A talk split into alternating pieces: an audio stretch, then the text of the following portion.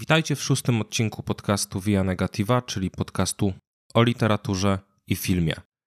Przypominam, że podcast sformatowany jest w taki sposób, że odcinki pojawiają się na przemian, to znaczy raz o literaturze, raz o filmie. Tak więc w miesiącu pojawia się jeden odcinek o filmie i jeden odcinek o literaturze. Tym razem będzie znowu o literaturze i to literaturze wyjątkowej z wyjątkowych przyczyn, bo nie dość, że w tym roku, dokładnie 12 lipca, będziemy obchodzić 130. rocznicę urodzin Brunona Schulza, to 19 listopada będziemy również obchodzić 80. rocznicę jego tragicznej śmierci. Stąd też rok 2022 został przez Senat Rzeczypospolitej Polskiej uznany za rok, któremu patronuje Bruno Schulz. Postanowiłem więc z tej okazji, choć oczywiście każda okazja jest dobra, żeby mówić o Schulzu, przyjrzeć się Schulzowi pisarzowi.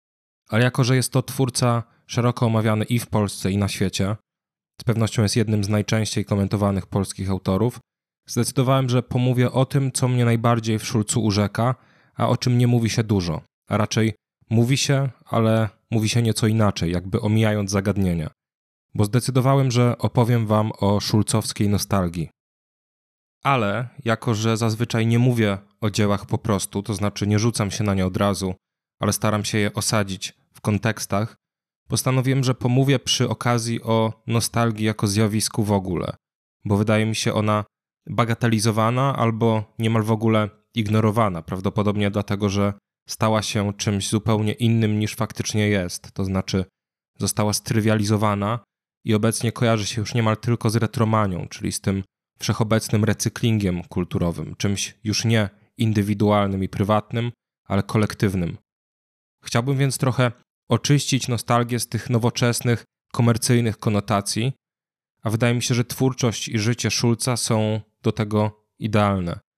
Tak więc pierwsza połowa odcinka będzie o nostalgii jako fenomenie, a w drugiej pomówię już o samym Szulcu i o jego własnej nostalgii, a raczej o jego nostalgiach. Nostalgia to pojęcie skomplikowane, bo zmieniało się na przestrzeni lat. Zmieniała się jego definicja, ale zmieniało się też postrzeganie nostalgii, także w sztuce. Mimo, że nostalgia jako pewne uczucie pojawia się już w literaturze antycznej, choćby w Odysei Homera, potem w Biblii, ale też w zasadzie przez całą literaturę średniowieczną, bo choćby w boskiej komedii Dantego, gdzie w Piątej Księdze Piekła Franceska mówi, że nic nie sprawia większego smutku niż wracanie do radosnych chwil, kiedy jest się nieszczęśliwym. Jednak wszystkie te teksty wskazują na około nostalgiczne, nienazwane jeszcze nostalgią doświadczenia, które były raczej uważane po prostu za tęsknotę, bo nostalgia jako termin pojawiła się dopiero w 1688 roku. Wtedy właśnie szwajcarski student medycyny Johannes Hofer zaproponował termin nostalgia jako medyczny, zlatynizowany ekwiwalent niemieckiego Heimweh, oznaczającego dotkliwą tęsknotę za krajem. Nostalgia składa się, jak tłumaczył sam Hofer, z greckich nostos, oznaczającego powrót do ojczystego kraju, i algos, które wskazuje na cierpienie lub żal. Samo brzmienie wyrazu nostalgia, jak zaznacza Hofer, oznacza smutny nastrój wywołany pragnieniem powrotu do domu. Tak więc powstała nostalgia, która miała określać bolesną tęsknotę za domem, która dotykała szwajcarskich żołnierzy walczących poza granicami kraju, czyli poza domem ojczyzną, ale też poza swoim własnym domem. Początkowo nostalgia uważana była za psychopatologiczną chorobę, często związaną z wizualnymi i słuchowymi halucynacjami. Hofer w tej swojej tezie naukowej, w której pojawia się po raz pierwszy nostalgia, pisał, że jest to choroba o podłożu demonicznym, bo bierze się nie wiadomo skąd, a wpływa na ciało chorego, który skarży się na ból fizyczny. Tęsknota za domem była więc tak silna, że powodowała u tęskniącego psychosomatyczny ból. Mniej więcej do połowy XIX wieku, czyli przez prawie 200 lat, nostalgię uważano niemal wyłącznie za chorobę dotykającą żołnierzy opuszczających kraj ojczysty i dom rodzinny. Badano to choćby w czasie rewolucji francuskiej. Dopiero później uważa się, że dzięki oświeceniowej myśli Jana Jakuba Rousseau romantycy zaczęli wiązać nostalgię już nie tylko z miejscem, ale też z abstrakcją, z egzaltowaną tęsknotą za wolnością i dzieciństwem. Tęsknotą, która już w zasadzie obejmowała cały zakres emocjonalny nostalgii, czyli z jednej strony przyjemność spowodowaną powrotem, oczywiście tym powrotem do wspomnień, i bólem związanym z utratą, z faktem, że są to tylko wspomnienia. Immanuel Kant już pod koniec XVIII wieku w swojej antropologii w ujęciu pragmatycznym niejako uchwycił romantyczny sens nostalgii, pisząc w sposób następujący. Nostalgię Szwajcarów, ale także, jak się tego dowiedziałem z ust pewnego doświadczonego generała, Westfalczyków i Pomorzan z pewnych okolic, ogarniającą ich, gdy zostaną przeniesieni gdzie indziej, powoduje wywołana wspomnieniem obrazów beztroski i sąsiedzkiej przyjaźni w latach młodości tęsknota za miejscami, gdzie cieszyli się prostymi radościami życia. Potem, gdy na powrót odwiedzą swe rodzinne strony, ich oczekiwania doznają zawodu i w ten sposób oni sami zostają uleczeni. Oni sądzą wprawdzie, że tam wszystko się zmieniło, ale faktycznie są zawiedzeni, bo nie potrafią nawet tam przywrócić swej młodości.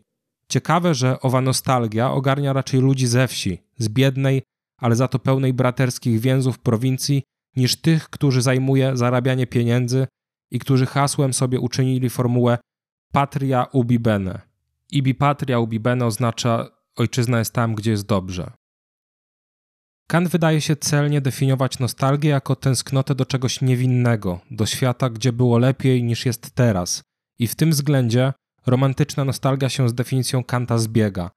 Ale romantyczna nostalgia często nie zakładała możliwości powrotu i tego końcowego rozczarowania i wyleczenia, bo jej obiekt był niekoniecznie określony, a powrót do niego często niemożliwy.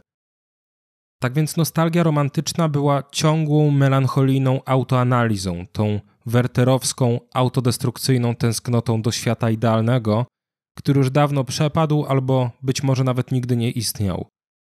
Nostalgia romantyczna była przepełniona smutkiem i ten element rozkoszy płynącej ze wspominania był raczej na drugim planie, choć oczywiście przyjemność gdzieś się tam w tej masochistycznej relacji z samym sobą i swoją fantazją przejawiała. Była to więc tęsknota bliższa tej tęsknocie Franceski z boskiej komedii. Ale pod koniec XIX wieku, kiedy ten mechaniczny czas znacznie przyspieszał, kiedy świat nabierał zawrotnego tempa pod wpływem wszechobecnej modernizacji, nostalgia kojarzona była z poczuciem nieprzystawalności do świata, nieprzystawalności do czasu, a z nastaniem psychoanalizy z regresją, czyli z cofaniem się do dzieciństwa i dziecięcych zachowań w poszukiwaniu bezpieczeństwa ale też z libido, czyli z pragnieniem seksualnym bądź pragnieniem w ogóle. Freud zresztą pisał o nici, która łączy przeszłość, teraźniejszość i przyszłość. Według Freuda te trzy płaszczyzny czasowe przewleczone są nicią właśnie pragnienia.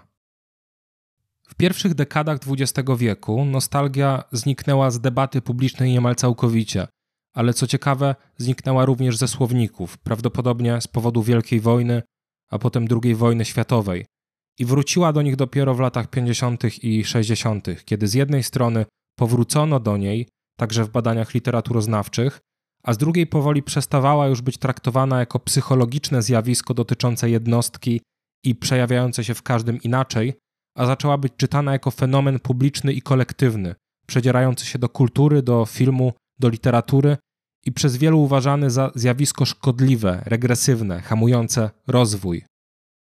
Nowoczesna nostalgia, ta nostalgia, która zrodziła się na początku XX wieku, a do której komentatorzy zaczęli wracać właśnie w jego drugiej połowie, to nostalgia dużo bardziej nieuchwytna i dużo bardziej niekonkretna, uciekająca definicją i kategorią.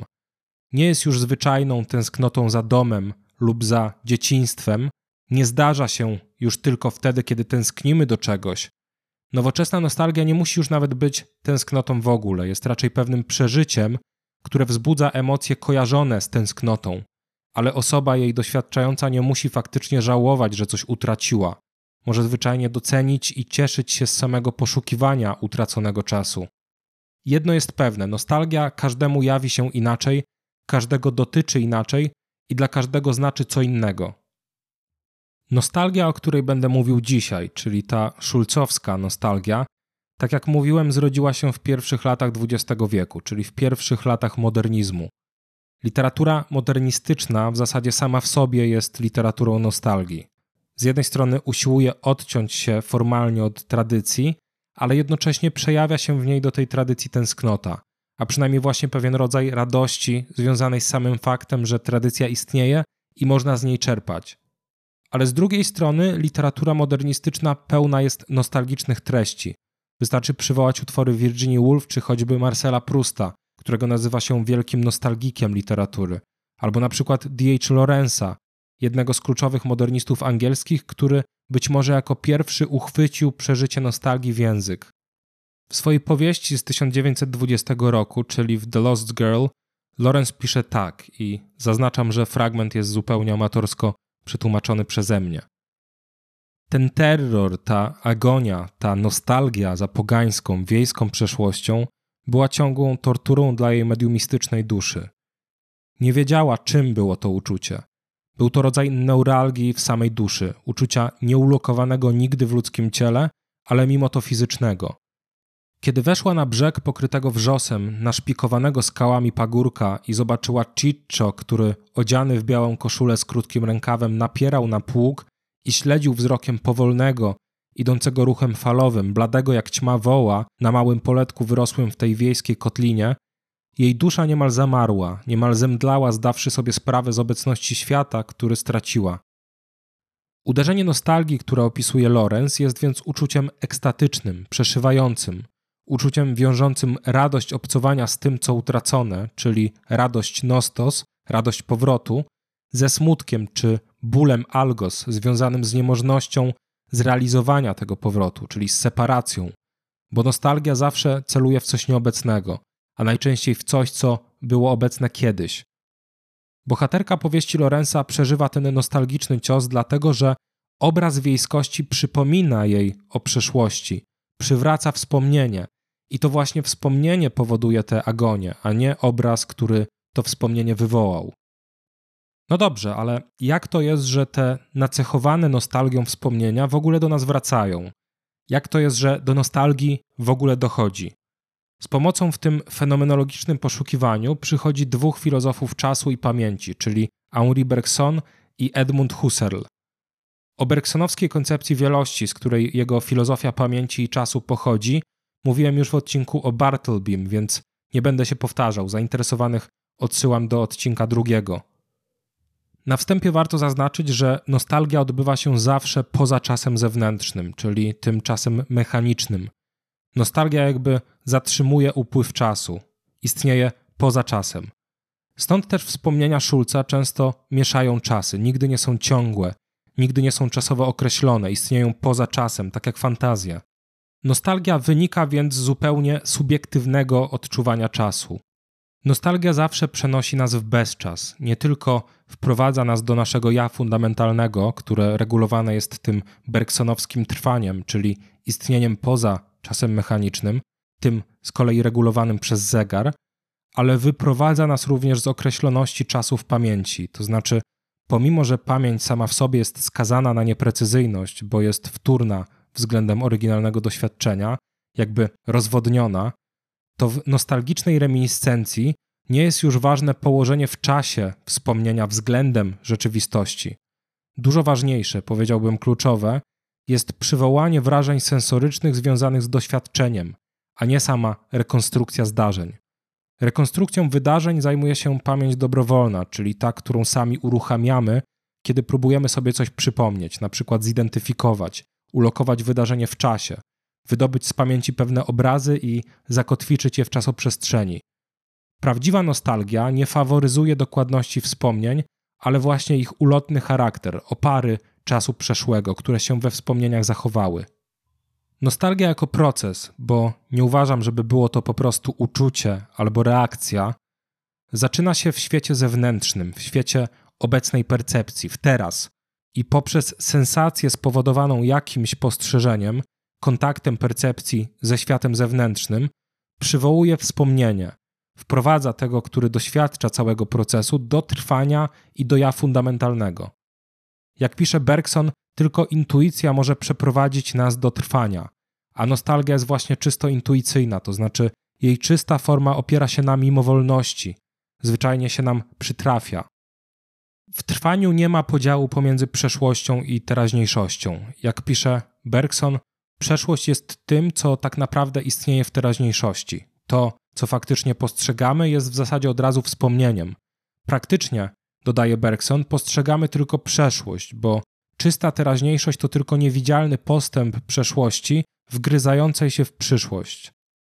Ta przeszłość wgryzająca się w przyszłość jest ciągle w całości konserwowana w nieświadomości i składa się na to, co Bergson nazywa czystą pamięcią, w której znajdują się nieskalane niczym rejestracje rzeczywistych wydarzeń, coś w rodzaju fotograficznej relacji tego, co zarejestrowaliśmy zmysłami. Od samego początku naszego istnienia my tę przeszłość, te nasze doświadczenia kumulujemy na podobieństwo kuli śnieżnej, która rośnie wraz z naszym posuwaniem się w czasie, z naszym starzeniem się, ale jest zawsze obecna zaraz za nami, ciągnie się za nami jak cień. I za każdym razem, kiedy przywołujemy wspomnienie, czyli obraz przeszłości, wyciągamy go z tej kuli, z tego repozytorium, i czyste wspomnienia aktualizują się w naszej percepcji jako wspomnienia obrazy, które różnią się w jakości od tych czystych, pierwotnych rejestracji.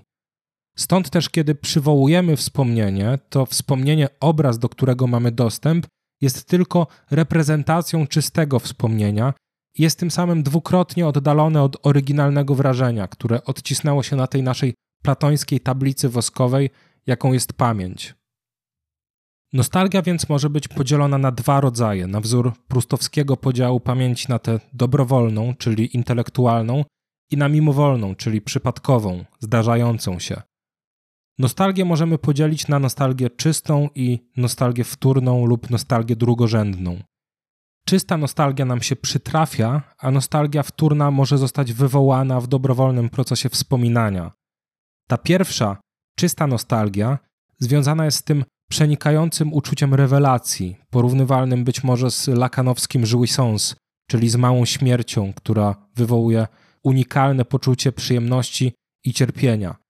Przyjemności tego nostos, czyli powrotu, i cierpienia, które zawiera się w algos, a którego powodem jest separacja. Być może właśnie dlatego, że czysta nostalgia dotyka tej surowej sfery pamięci. Ta druga z kolei jest jedynie reprodukcją, ograniczoną wątłą wyrazistością wspomnienia obrazu i stąd jest drugorzędna w jakości. Pierwsza więc zawsze dotyka nieświadomości, a druga jest zawsze podległa prawom tzw. Tak płaszczyzn świadomości, o których pisze Bergson, czyli poziomów świadomego postrzegania wspomnień, które decydują o wyrazistości i intensywności ich obrazów. Czysta nostalgia jednak niemal zawsze, jako że niemal zawsze jest dobrowolnie kontynuowana, przechodzi we wtórną nostalgię i jej jakość zależy od naszego przywiązania do świata zewnętrznego. Jak pisze Bergson, im bardziej skupiamy się na świecie obiektów, czyli na świecie zewnętrznym, tym mniej czasu mamy. Jeśli żyjemy jak zjawy poza sobą, szczęki czasu zaciskają się i nasze życia należą do rzeczywistości mierzonej zegarem i podlegają regułom gry świata zewnętrznego. W tym momencie warto zwrócić się ku kluczowemu, zdaje mi się, filozofowi, który, mimo że o nostalgii nie pisał, uchwycił dość celnie mechanizmy, które mogą powodować, że nostalgię w ogóle odczuwamy, że przychodzą do nas wspomnienia, które wzbudzają większe niż inne emocje. Tym filozofem jest Edmund Husserl, urodzony w tym samym roku co Bergson, czyli w 1859. Jego metafizyka pamięci zakłada, że sam koncept pamiętania czegoś, co zostało prawie całkowicie zapomniane lub zupełnie zniknęło ze świadomości, związany jest z afektywnością i afektywną nieświadomością. Kiedy składujemy wspomnienia w naszej świadomości, różnią się one względem siebie w tak zwanej afektywnej intensywności, czyli w natężeniu emocji, które wywołują.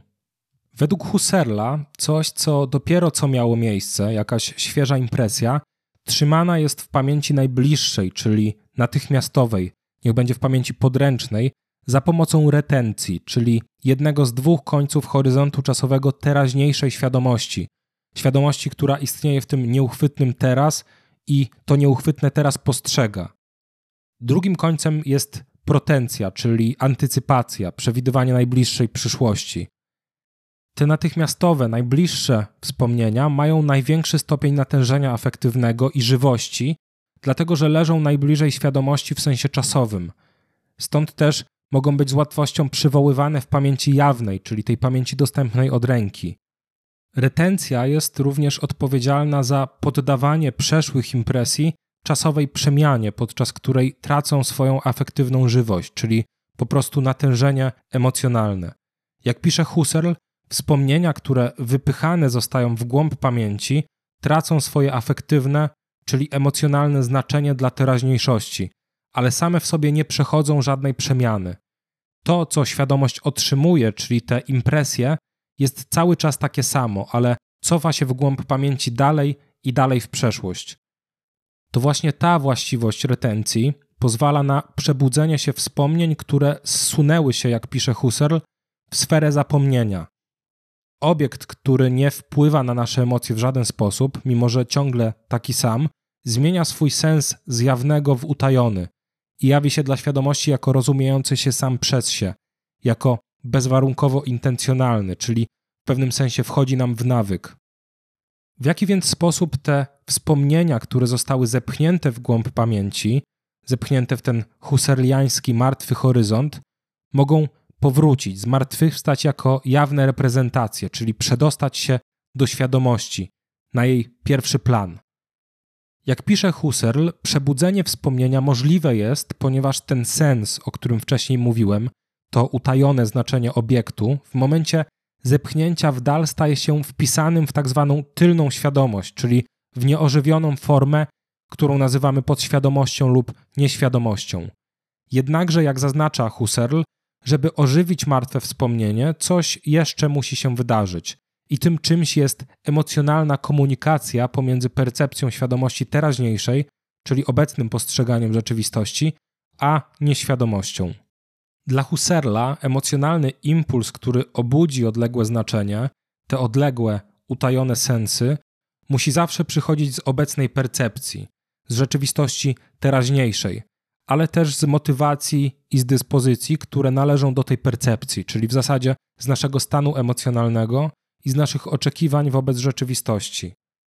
Stąd też w procesie przebudzenia odległego wspomnienia, zupełnie pozbawiony siły emocjonalnej i osiadły w nieświadomości, sens obiektu wspomnienia wyłania się ze sfery zapomnienia i to, co było utajone, powtórnie staje się jawne, czyli znaczenie, które miało dla nas dane wspomnienie, a które z biegiem czasu zostało zepchnięte w martwy horyzont, czyli zostało zapomniane, powtórnie zyskuje znaczenie. Poprzez bodziec pochodzący z zewnątrz i należący do percepcji czasu rzeczywistego, czyli złączenia się postrzeżenia z jego sensem zawartym we wspomnieniu, ten przebudzony sens odzyskuje swoją siłę emocjonalną, ale jak zaznacza Husserl, nie oznacza to, że sens ten przywróci wspomnienie obraz, będzie raczej warunkiem wstępnym do pamiętania w ogóle. Pojawia się więc kolejne pytanie o kwestię kluczową dla nostalgii, czyli co w zasadzie powoduje, że wspomnienia przywołane przy okazji tej czystej nostalgii, czyli wspomnienia mające największą siłę, największą wartość emocjonalną, ukazują się jako bardzo wyraźne i tak emocjonalnie natężone, że przenikają nostalgika tym paradoksalnie subtelnym, lecz silnym doświadczeniem, tą mieszaniną bólu i przyjemności, smutku i radości. Wydaje mi się, że czysta nostalgia może być rozumiana jako odrodzenie się zepchniętego w nieświadomość wspomnienia w procesie husserliańskiego afektywnego tłumienia, które faktycznie spycha wspomnienia do nieświadomości, ale nie tak jak w ramach retencyjnego przemieszczenia i osłabienia. W tym przypadku następuje to trochę inaczej. Tłumienie spycha jedno doświadczenie, które przegrywa w emocjonalnym konflikcie z drugim, silniejszym doświadczeniem, ale nie jest pozbawione swojej emocjonalnej siły. Wręcz przeciwnie, jego siła, jego żywość zostają ostatecznie zintensyfikowane. Husserl pisze o tym w następujący sposób. W tym przypadku ma miejsce specjalna represja, represja elementów, które poprzednio były w konflikcie w głąb nieświadomości, ale nie w tę integralnie spójną sferę oddalonej przeszłości. Przeciwnie, w żywym konflikcie represja odbywa się na zasadzie supresji w głąb nieintuicyjnego, ale nie pozbawionego żywości. Wręcz przeciwnie, żywość, wyrazistość zostaje wzmocniona w konflikcie. Stąd paradoksalnie silniejsze uczucie nie zwalcza innych, słabszych uczuć, ale tłumi je i sam proces supresji, czyli tłumienia, zwiększa natężenie żywości pozostałych emocji. Wygląda więc na to, że oryginalne obiekty tych nostalgicznych marzeń zostają stłumione, zepchnięte do afektywnej nieświadomości podczas tego konfliktu z nieuchronnie silniejszymi wrażeniami brutalnej rzeczywistości, które spychają słabsze, choć często bardzo ważne i czasami kluczowe doświadczenia do tej drugiej komory nieświadomości, gdzie w przeciwieństwie do tych normalnych, zapomnianych doświadczeń, te stają się silniejsze. To właśnie dlatego być może bolesne wspomnienia bardzo często są nostalgizowane, bo nostalgia faworyzuje stłumione elementy, które wracają do życia i kolorują wspomnienia, powodują, że czas przeszły jawi nam się jako piękniejszy niż faktycznie był, bo nostalgia skupia się zawsze na tym, co dobre, nigdy na tym, co złe, nawet jeśli to dobre było jedynie na marginesie tragedii.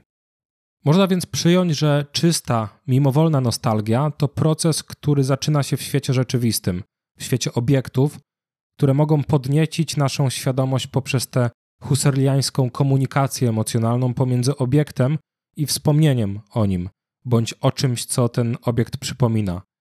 Obiekt postrzegany teraz najpierw budzi ten utajony sens, który wraca do świadomości jako powtórnie jawny, i potem jakby uderza emocjonalną siłą, która była do tej pory ciągle wzmacniana w tej afektywnej, emocjonalnej nieświadomości. Pojawia się więc ta nostalgiczna ekstaza, ale jest tylko momentalnym wrażeniem, które jest niemal natychmiast identyfikowane, to znaczy początkowo nieuświadomiona ekstaza stopniowo zaczyna nabierać znaczenia i złączamy ją ze wspomnieniem, które to nostalgiczne przeżycie jakby zastępuje, bo ciągle usiłujemy dotrzeć do źródła, do wspomnienia obrazu, który połączymy z owym przeżyciem.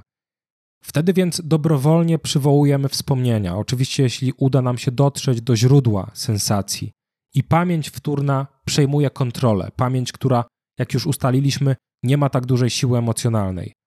Bardzo chcemy więc rozszyfrować uczucie nostalgii, znaleźć związek pomiędzy uczuciem a wspomnieniem lub wspomnieniami, czyli uchwycić to wrażenie. Chcemy to zrobić tak bardzo, że uczucie to stopniowo zanika i ból separacji od tego uczucia staje się silniejszy. Nostalgia jest więc, jak pisze Susan Stewart, powtórzeniem, które opłakuje nieautentyczność wszystkich powtórzeń i odrzuca możliwość powtórzenia do zdefiniowania tożsamości.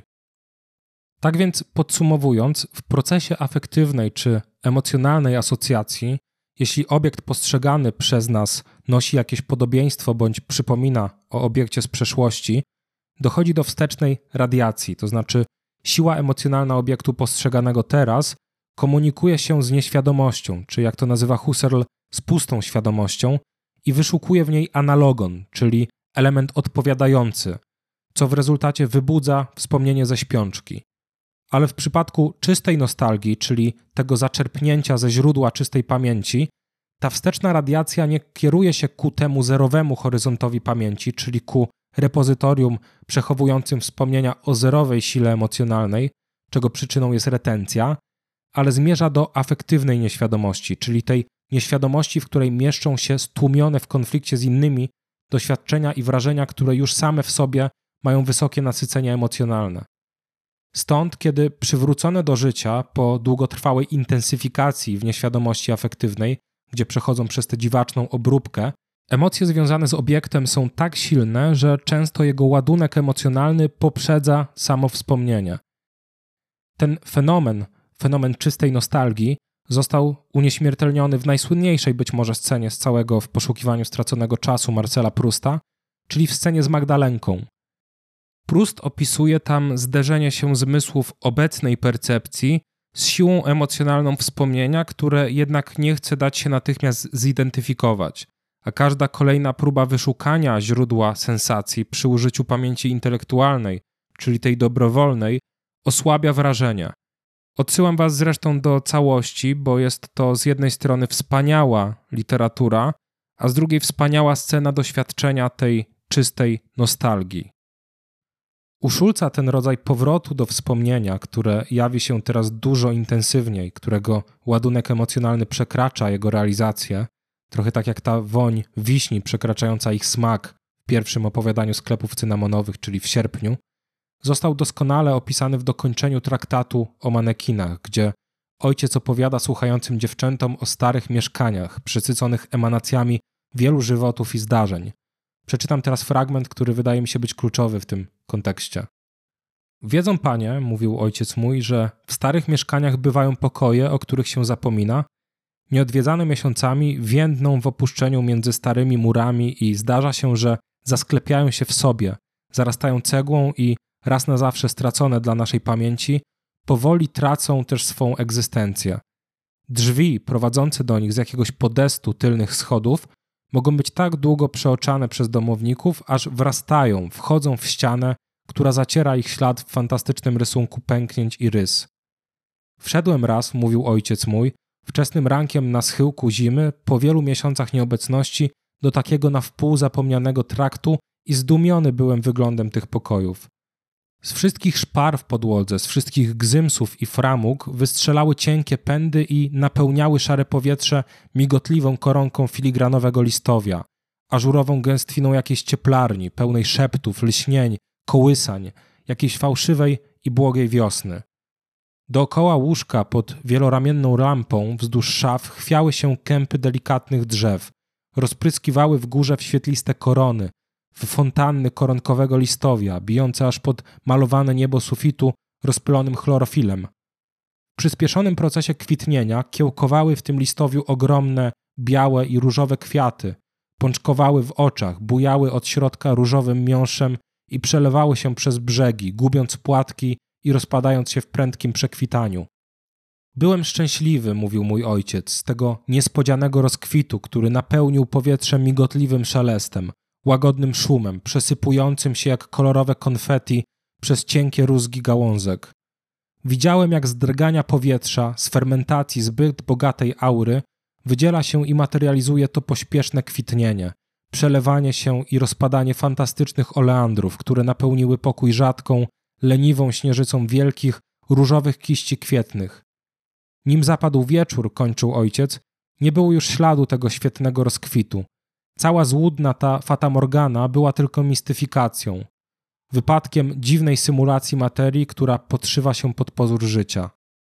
W tym wspaniałym fragmencie Schulz metaforyzuje uderzenie czystej nostalgii, która najpierw zaskakuje, bo przywołuje obrazy niemal już zapomniane, które następnie wprawia w ekstazę, bo obrazy wracają z niebywałą siłą, która powoduje szczęście, dochodzi więc do ekstazy w niskim kluczu, do paradoksalnie subtelnej ekscytacji, ale nadchodzi też rozczarowanie, bo to wspaniałe uczucie odchodzi, oddala się i znika. Było tylko fatamorganą, nie przywraca obiektu nostalgii do życia. Jest tylko, jak pisze Schulz, wypadkiem dziwnej symulacji materii, która podszywa się pod pozór życia. Nostalgia jest więc romansem z przeszłością i z fantazją. Schulz to w zasadzie dwie twarze nostalgii, albo po prostu dwie nostalgie, dwie reprezentacje zjawiska, dwa romanse z przeszłością. Jeden romans rozgrywa się na płaszczyźnie literackiej i jest demitologizacją nostalgii jako tej romantycznej tęsknoty za utraconym rajem w postaci kogoś, czegoś, gdzieś, zawsze jednak kiedyś.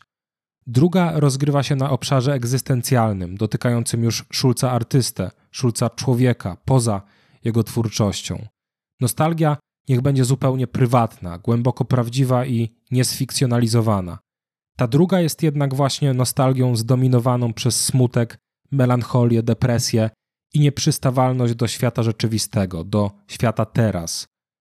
Wydawać by się mogło, że ta literacka nostalgia Szulca zrodziła się z nostalgii ludzkiej jako poetyckie piękno przeszłości wynikłe z ludzkiego cierpienia. Szulc jakby unieruchomił swoją prozą ten radosny element nostalgii, tę gloryfikację przeszłości, to marzenie o niej, bo jego twórczość była właśnie jego radością, a życie w świecie i pamięć o przeszłości były jednak zdominowane przez cierpienie. Najpierw pomówię o tej pierwszej, o nostalgii zaklętej w literaturę. Pisarstwo Szulca to narracja pierwszoosobowa, zawsze z punktu widzenia ja. Jest to ja pisarza, ja artysty, ja Szulca, który przemalowuje swoje doświadczenia z przeszłości na język słowa. Nie jest to ta typowa modernistyczna nostalgia wtłoczona w bohaterów, którą odczuwają jakby sami, bez zewnętrznej, obiektywnej pomocy narratora, który jest jedynie przedłużeniem ich myśli. Nie jest to nostalgia, którą na swoich bohaterów przerzuciła Virginia Woolf w Pani Dalloway, gdzie, jak sama pisała, wykopała za nimi jaskinie przeszłości, w które ciągle wchodzili. Schulz jest innym modernistą. Nie ucieka się do retrospekcji wplątanych w narrację, bo jego twórczość to jedna wielka retrospekcja. U Schulza pojawiający się bohaterowie, ci, których to ja literackie opisuję, są filtrowani przez jego punkt widzenia. Są oni wytworami nostalgii, nie są zaś nostalgikami. Całe pisarstwo Schulza można więc przyjąć nie za opowieść o nostalgii, ale za nostalgiczną opowieść, a nawet więcej, za werbalizację nostalgii, za uchwycenie nostalgii w słowa. Bo nostalgia Schulza nie jawi się jedynie w narracji, w przebiegu zdarzeń, w tajemnicy opowieści. Jawi się przede wszystkim w języku, który te wszystkie elementy konfiguruje. Nostalgia Schulza nie jest idealizacją przeszłości, jest jej poetyzacją, metaforyzacją tego, co było kiedyś, bo to, co było kiedyś, we wspomnieniach znostalgizowanych nigdy nie przypomina siebie samego. Nostalgia u Schulza dlatego jest tak wyraźna i tak przenikająca tkankę literacką, bo Schulz korzysta z językowych nośników nostalgii. Takim werbalnym nośnikiem jest na przykład słowo ach, które pojawia się w jego opowiadaniach wielokrotnie. Od razu przychodzi mi do głowy początek pani Dalloway, Wolf, gdzie Clarissa Dalloway, otwierając okna, słyszy skrzypienie zawiasów, co właśnie poprzez tę huserliańską asocjację emocjonalną przenosi ją do przeszłości, bo Skrzypienie budzi nacechowane emocjonalnie wspomnienie o jej młodości, gdzie również otwierała okna i słyszała podobne skrzypienie. Clarissa wykrzykuje wtedy niemal co za rozkosz, które w nostalgicznym uderzeniu jakby samo ciśnie się do ust. To niewinne co za bardzo często poprzedza w nostalgicznym transie właśnie ach. W opowiadaniu Manekiny Schulz pisze Ach, gdzie było to świegotliwe pączkowanie, to owocowanie pośpieszne i fantastyczne w bukietach tych lamp, z których jak z pękających czarodziejskich tortów ulatywały skrzydlate fantazmaty.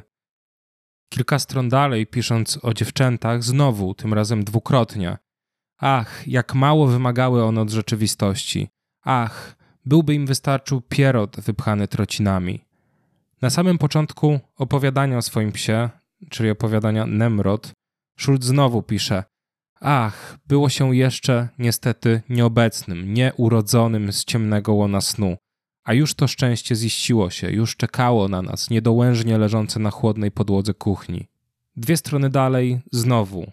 Ach, życie, młode i wątłe życie, wypuszczone z zaufanej ciemności. I tak dalej, i tak dalej, bo u Szulca to ach funkcjonuje bardzo często. W tym przedłużeniu westchnienia, jakim jest ach, miesza się właśnie ta tęsknota, pragnienie i ten smutek, czyli cała ta mikstura uczuć, które dają nostalgię. Ach to werbalny symbol rozrzewnienia, które wypełnia duszę ciepłem związanym z oparami przeszłości zachowanymi w znostalgizowanym wspomnieniu, a którego przeciwwagą jest smutek związany z separacją i pragnienie powrotu. Jednak w twórczości Szulca, w jego literackiej nostalgii, ten smutek tęsknoty jest niemal niewyczuwalny. Rozrzewnienie związane ze wspominaniem przeszłości, bo przecież ja literackie mówi ciągle o czasie przeszłym, z perspektywy dorosłej, jest rozrzewnieniem związanym z pięknem samego istnienia czasu, który minął. Schulz zdaje się opiewać przeszłość, a nie ubolewać nad jej utratą. Drugim nośnikiem nostalgii u Schulza, chyba najsilniejszym, najbardziej naładowanym emocjami, są wrażenia sensoryczne, a przede wszystkim zapachy, smaki i dźwięki.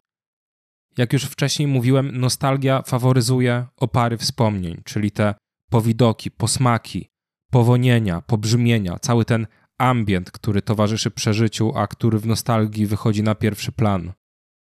Przecież u Prusta to właśnie smak Magdalenki jest bodźcem, który przywołuje być może najsilniejsze uderzenie nostalgii, jakie zna literatura. U Szulca nostalgia jest, jak już mówiłem, unieruchomiona w prozie. Nie pisze on o procesie doświadczania nostalgii, ale jego proza jest już efektem takiego doświadczenia, czyli jest rejestracją nostalgii. Nostalgia jest wonią, która przekracza to, co ziszcza się w smaku. Sam tytuł pierwszego wydanego przez Szulca zbioru, czyli sklepy cynamonowe, to już faworyzacja wrażenia. Nawet słysząc ten tytuł, nie sposób nie wyobrazić sobie smaku cynamonu jego koloru i, i jego tekstury. Właśnie w opowiadaniu tytułowym, który jest jak nostalgiczne marzenie senne, Schulz opisując sklepy pisze najwięcej o zapachach. Słabo oświetlone, ciemne ich wnętrza pachniały głębokim zapachem farb, laku, kadzidła, aromatem dalekich krajów i rzadkich materiałów. Czy choćby aromat tajemnicy płynący z pokoju profesora albo powietrze pachnące fiołkami. Dźwięki również są silnie nacechowane nostalgicznie, choćby ta melodia katarynki dobyta z najgłębszej złotej żyły dnia. Ale Schulz najbardziej skupia się jednak na dźwiękach ciszy, które są być może nawet silniejszymi nośnikami nostalgii niż dźwięki faktyczne, bo to z ciszy dla każdego wydobywa się różna atmosfera. W zasadzie dla każdego wydobywają się różne dźwięki. Dla Schulza była to cisza drgających słojów powietrznych, cisza, która gada. Było to echo dnia płomiennego drgające mosiądzem, dźwięk oddechu ciemnych płuc wieczorów zimowych, cisza pełna westchnień i szeptów. David Sylwian śpiewał kiedyś, że nostalgia to dźwięk fal w basenie z wodą.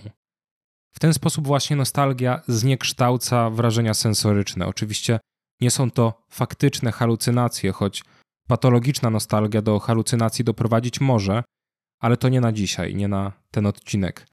Zapachy, dźwięki, obrazy i smaki są w nostalgii zintensyfikowane, są nawet tam, gdzie ich nie ma, gdzie ich nie było. Nostalgia powoduje, że nasze zmysły wydają się być hiperwrażliwe, ale co ważne, ta hiperwrażliwość ujawnia się dopiero po czasie, bo w momencie oryginalnego doświadczenia nie czujemy ich tak wyraźnie. To nostalgia je konserwuje i wzmacnia w tej husserliańskiej nieświadomości. Najważniejszy jednak aspekt szulcowskiej nostalgii literackiej to właśnie ta poetyckość jego prozy, która wydaje się wydobywać z nostalgii, bo nostalgia poetyzuje przeszłość, koloruje ją. Poezja jest niezbędną, żeby nostalgię uchwycić, bo nostalgia sama w sobie jest poezją życia, poezją pamięci. Przebija się przez twórczość Szulca i w sklepach cynamonowych, i w sanatorium pod klepsydrą wrażenie, że nie da się tego wszystkiego napisać inaczej, że Schulz pisał tak, jak podpowiadała mu intuicja, która kierowała jego umiejętnościami do chwytania tej poezji przeszłości. Schulz przede wszystkim metaforyzuje przeszłość, zanosi ją w obszary fantazji, nie tylko dlatego, że nostalgia sama w sobie jest, jak pisała Swietłana Boym, autorka przyszłości nostalgii, romansem z fantazją, ale również dlatego, że są to wspomnienia wydarzeń z dzieciństwa, które zostały zarejestrowane przez umysł dziecięcy, a więc same w sobie są zniekształcone dziecięcą percepcją, a we wspomnieniach dorosłego Szulca zniekształcone zostały jakby podwójnie, dwukrotnie. Dochodzi więc w jego twórczości do mieszaniny wrażeń, które siłą rzeczy wytwarzają fantazmaty przeszłości, ale Schulz dodatkowo przenicowuje je przez swoje utajone pragnienia, których było bardzo wiele. Niektóre z nich widać w jego twórczości rysunkowej czy malarskiej. Ale o tym elemencie pragnienia, którym również silnie nacechowana jest jego twórczość, będę mówił może kiedy indziej. Wracając jednak do nośników nostalgii, tym językowym nośnikiem nostalgii, który jakby łapie jej sens, jest metafora.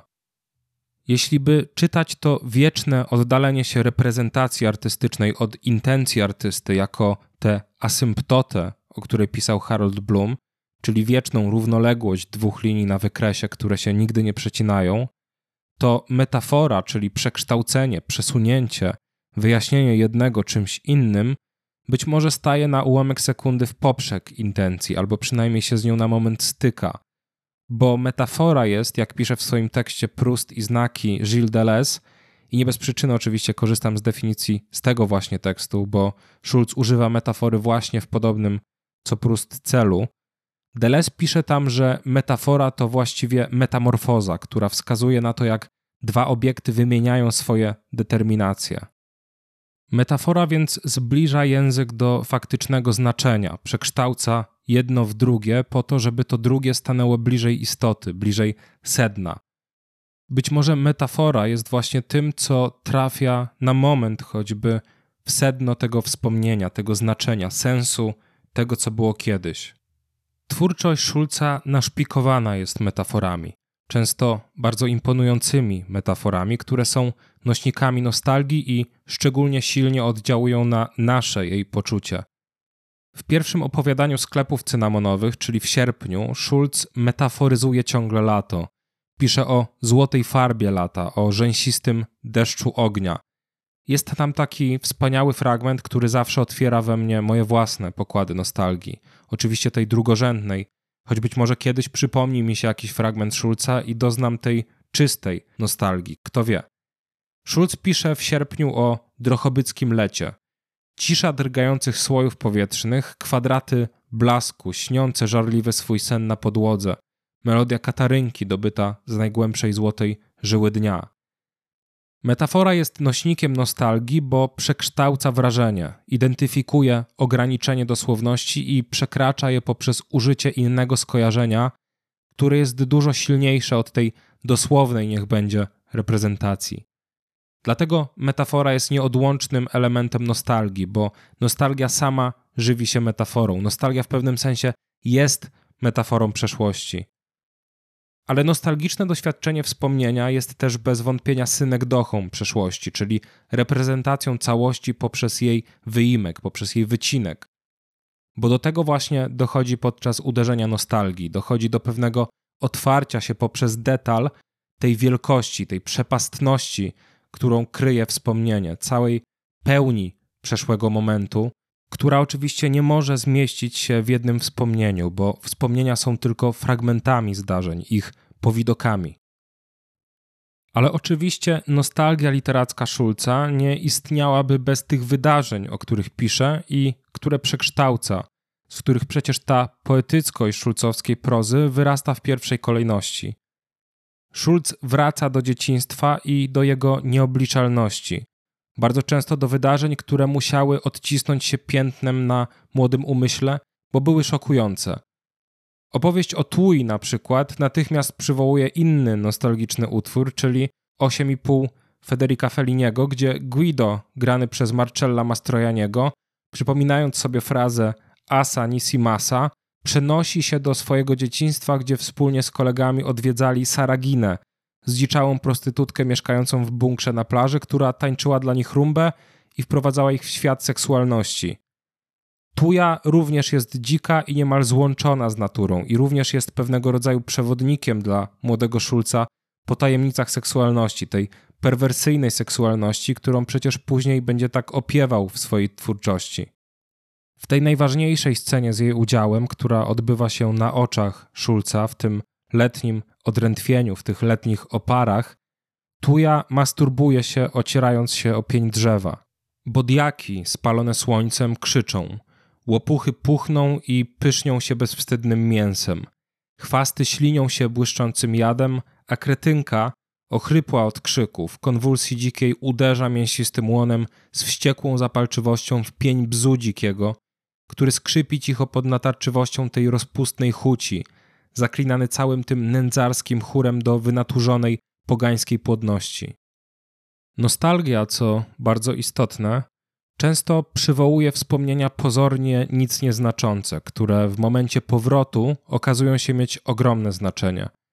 Najczęściej jednak, wydaje mi się, nostalgizują się wspomnienia o czasach przełomowych w naszym życiu, o czymś bardzo ważnym, co w naszej pamięci odcisnęło się bardzo wyraźnie ale w jakiś sposób przedostało się jednak do tej afektywnej nieświadomości. Czas inicjacji seksualnej na pewno jest jednym z tych najsilniej nacechowanych nostalgią albo najbardziej podatnych na nostalgizację.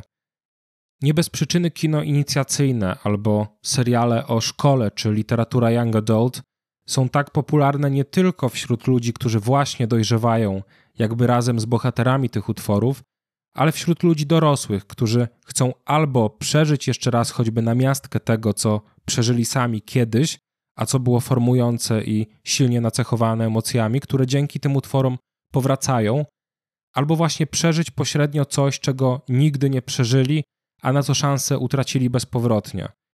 Nostalgia również bardzo często żywi się niemożliwą do zrealizowania pozorną potencjalnością zawieszona jest pomiędzy obietnicą możliwości zmiany przeszłości, a brakiem możliwości tej zmiany.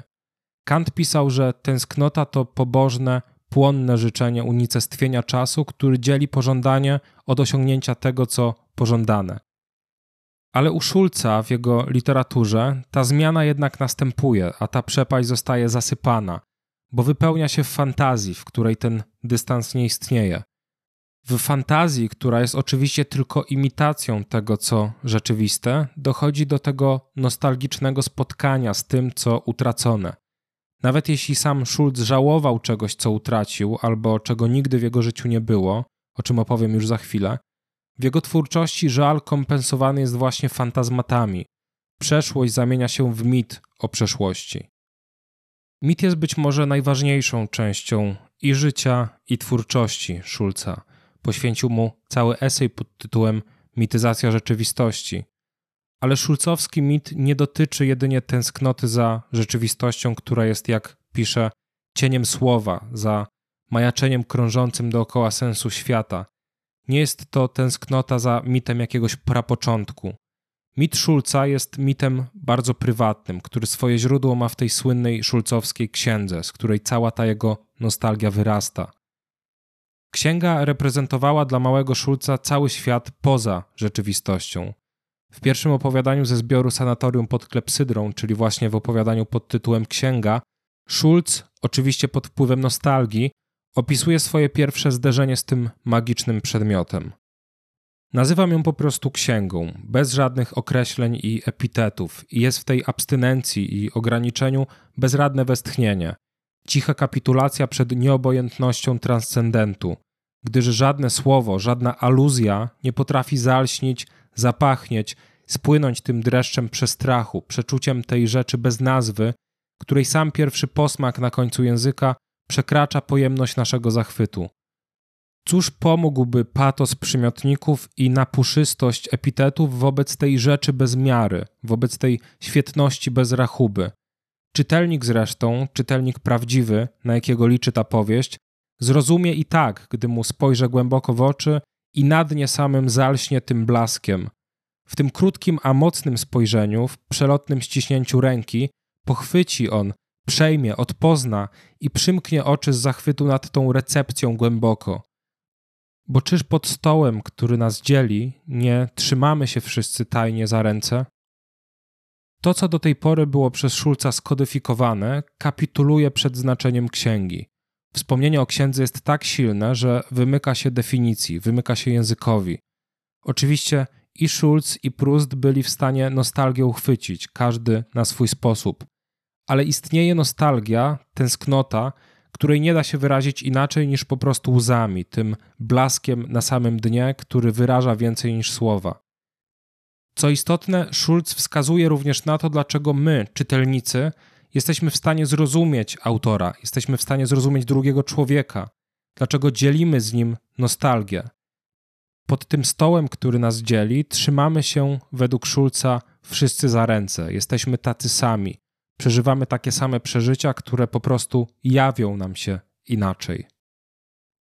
Beckett pisał w swoim eseju o Pruście, że cały jego świat, cała ta forteca, którą zbudował w tym swoim siedmiotomowym cyklu, wyrasta z tej niewielkiej filiżanki herbaty, w której moczy Magdalenkę. U Szulca wszystko wyrasta z księgi, z mitu założycielskiego jego egzystencji, z czasu, który Schulz nazywał genialną epoką, czasem najsilniejszych epifanii, iluminacji, które otwierały umysł naprawdę na piękno świata, które stworzyły go jako człowieka i jako artystę. Ale jest jeszcze przecież ta druga strona nostalgii Schulza, czyli jego prywatna tęsknota, ta, która z jednej strony przeniknęła do jego twórczości jako radość, jako celebracja przeszłości, ale z drugiej strony nie uwzględniła smutku, nostalgii, który Schulz przeżywał jakby samotnie i dla siebie. Nostalgia jest bowiem reakcją na nieprzystawalność do teraźniejszości. Ukazuje się wtedy tendencja do ucieczki w przeszłość, która jawi się jako piękniejsza i lepsza od tego, co teraz, jako pewien rodzaj ideału. Z drugiej jednak strony, nostalgia ujawnia się, kiedy to przyszłość jest nieokreślona, ale kiedy jej kontury zwiastują coś fatalnego. Życie Szulca rozpięte było pomiędzy tymi dwoma lękami. Z jednej strony było chorobliwe wręcz niedopasowanie do realiów, w których przyszło mu żyć. Schulz, jak pisze jego biografka Anna Kaszuba-Dębska, tęsknił za epoką, której nie doświadczył, a której doświadczyła jego starsza siostra Hania. Był to czas schyłku wieku XIX, kiedy biznes dziadka Schulza, Berla Kuchmerkera, wiódł prym w Drohobyczu, a życie w kamienicy przy rynku, czyli w domu rodzinnym Szulca, było zupełnie inne od jego własnego życia. Było to życie przeżywane wspólnie, życie, przez które ciągle przewijali się ludzie. Było to życie w spokoju, życie, do którego można było tęsknić, choć się go nigdy nie poznało. Jak wspomina Tadeusz Lubowiecki, czyli przed wojną Izydor Friedman, przyjaciel Szulca, Schulz twierdził, że tęskni za czasami, w których nie żył, a które były mniej prozaiczne niż obecne. Schulz był człowiekiem zahukanym, nieszczęśliwym, chodzącym pod ścianami. Nie potrafił brać sprawy w swoje ręce. Brak mu było, jak wspominali niektórzy, tupetu i przedsiębiorczości, żeby zaistnieć w świecie sztuki. Dodatkowo bał się brutalności świata zewnętrznego. Nie cierpiał chaosu rzeczywistości i jej zgiełku. Był niewolnikiem swojej własnej fantazji właśnie dlatego, że rzeczywistość była w stosunku do niego niechętna. Nie tylko przez to, że był Żydem, choć oczywiście w okresach tego wzmożonego antysemityzmu, szczególnie wojennego, głównie dlatego, ale również dlatego, że jego życie było wypełnione stratami.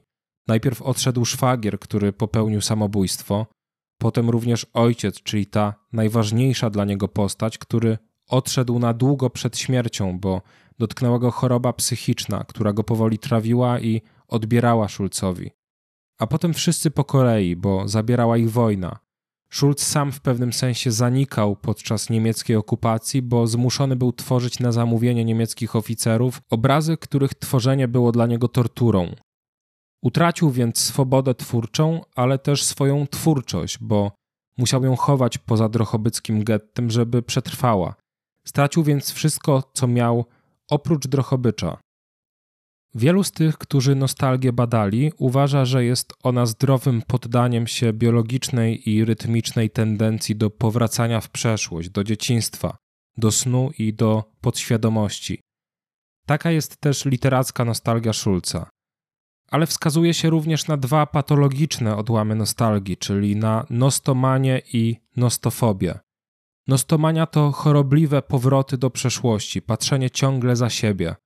Nostofobia to znowu strach przed powrotem do przeszłości, strach przed tęsknotą. Schulz był więc nostomanem, który, podobnie jak żona Lota, obracał się ciągle za siebie i w końcu znieruchomiał w drochobyczu, za co przypłacił życiem. Bo po drugiej stronie szulcowskiej nostalgii była nieznana przyszłość, która zapowiadała się fatalnie. A Schulz był fatalistą. Przewidywał wojnę, przewidywał katastrofy, ale przewidział też swoją własną śmierć, właśnie w Drochobyczu. W postaci Szulca realizowało się coś, co nazwać można by dynamiką istnienia, która rozgrywa się pomiędzy tęsknotą a przynależnością. W języku angielskim robi to większe wrażenie, bo tęsknota to longing, a przynależność to belonging. W starciu obu tych zjawisk dochodzi do wytworzenia się tożsamości, która definiuje osobę. W Szulcu ta dynamika doprowadziła do tego, że wracał ciągle do miejsca, za którym tęsknił, bo stanowiło ono o jego tożsamości. Schulz był drochobyczaninem, pisarzem i artystą z Drochobycza. Konflikt, do którego dochodzi w nostalgii, czyli konflikt pragnienia i niemożności wejścia w posiadanie tego, czego się pragnie, kładł się cieniem na całe życie Schulza i na każdy jego aspekt. Schulz pragnął przede wszystkim zaistnieć w świecie poza Drochobyczem. Przed pięćdziesiątką pojechał do Paryża z teką swoich rysunków pod pachą, bo chciał posmakować świata artyzmu, ale bardziej nawet chciał do niego należeć. Wyjeżdżał do Wiednia, wyjeżdżał do Berlina, do Warszawy, ale zawsze wracał stamtąd rozczarowany, bo miejsca te nie były Drochobyczem, do którego tęsknił. Dlatego ciągle wracał do swojego miasteczka, które było jego własnym, które było z nim zrośnięte i w którym zginął przez strzał w tył głowy i zrósł się z nim już ostatecznie. Dziękuję Wam bardzo za wysłuchanie odcinka. Mam nadzieję, że Wam się podobał. Pamiętajcie, że możecie mnie znaleźć na Facebooku i na Instagramie. Będzie mi bardzo miło, jeśli dacie mi znać, co sądzicie o podcaście i o tej mojej gadaninie. Jeszcze raz dziękuję i do usłyszenia za dwa tygodnie.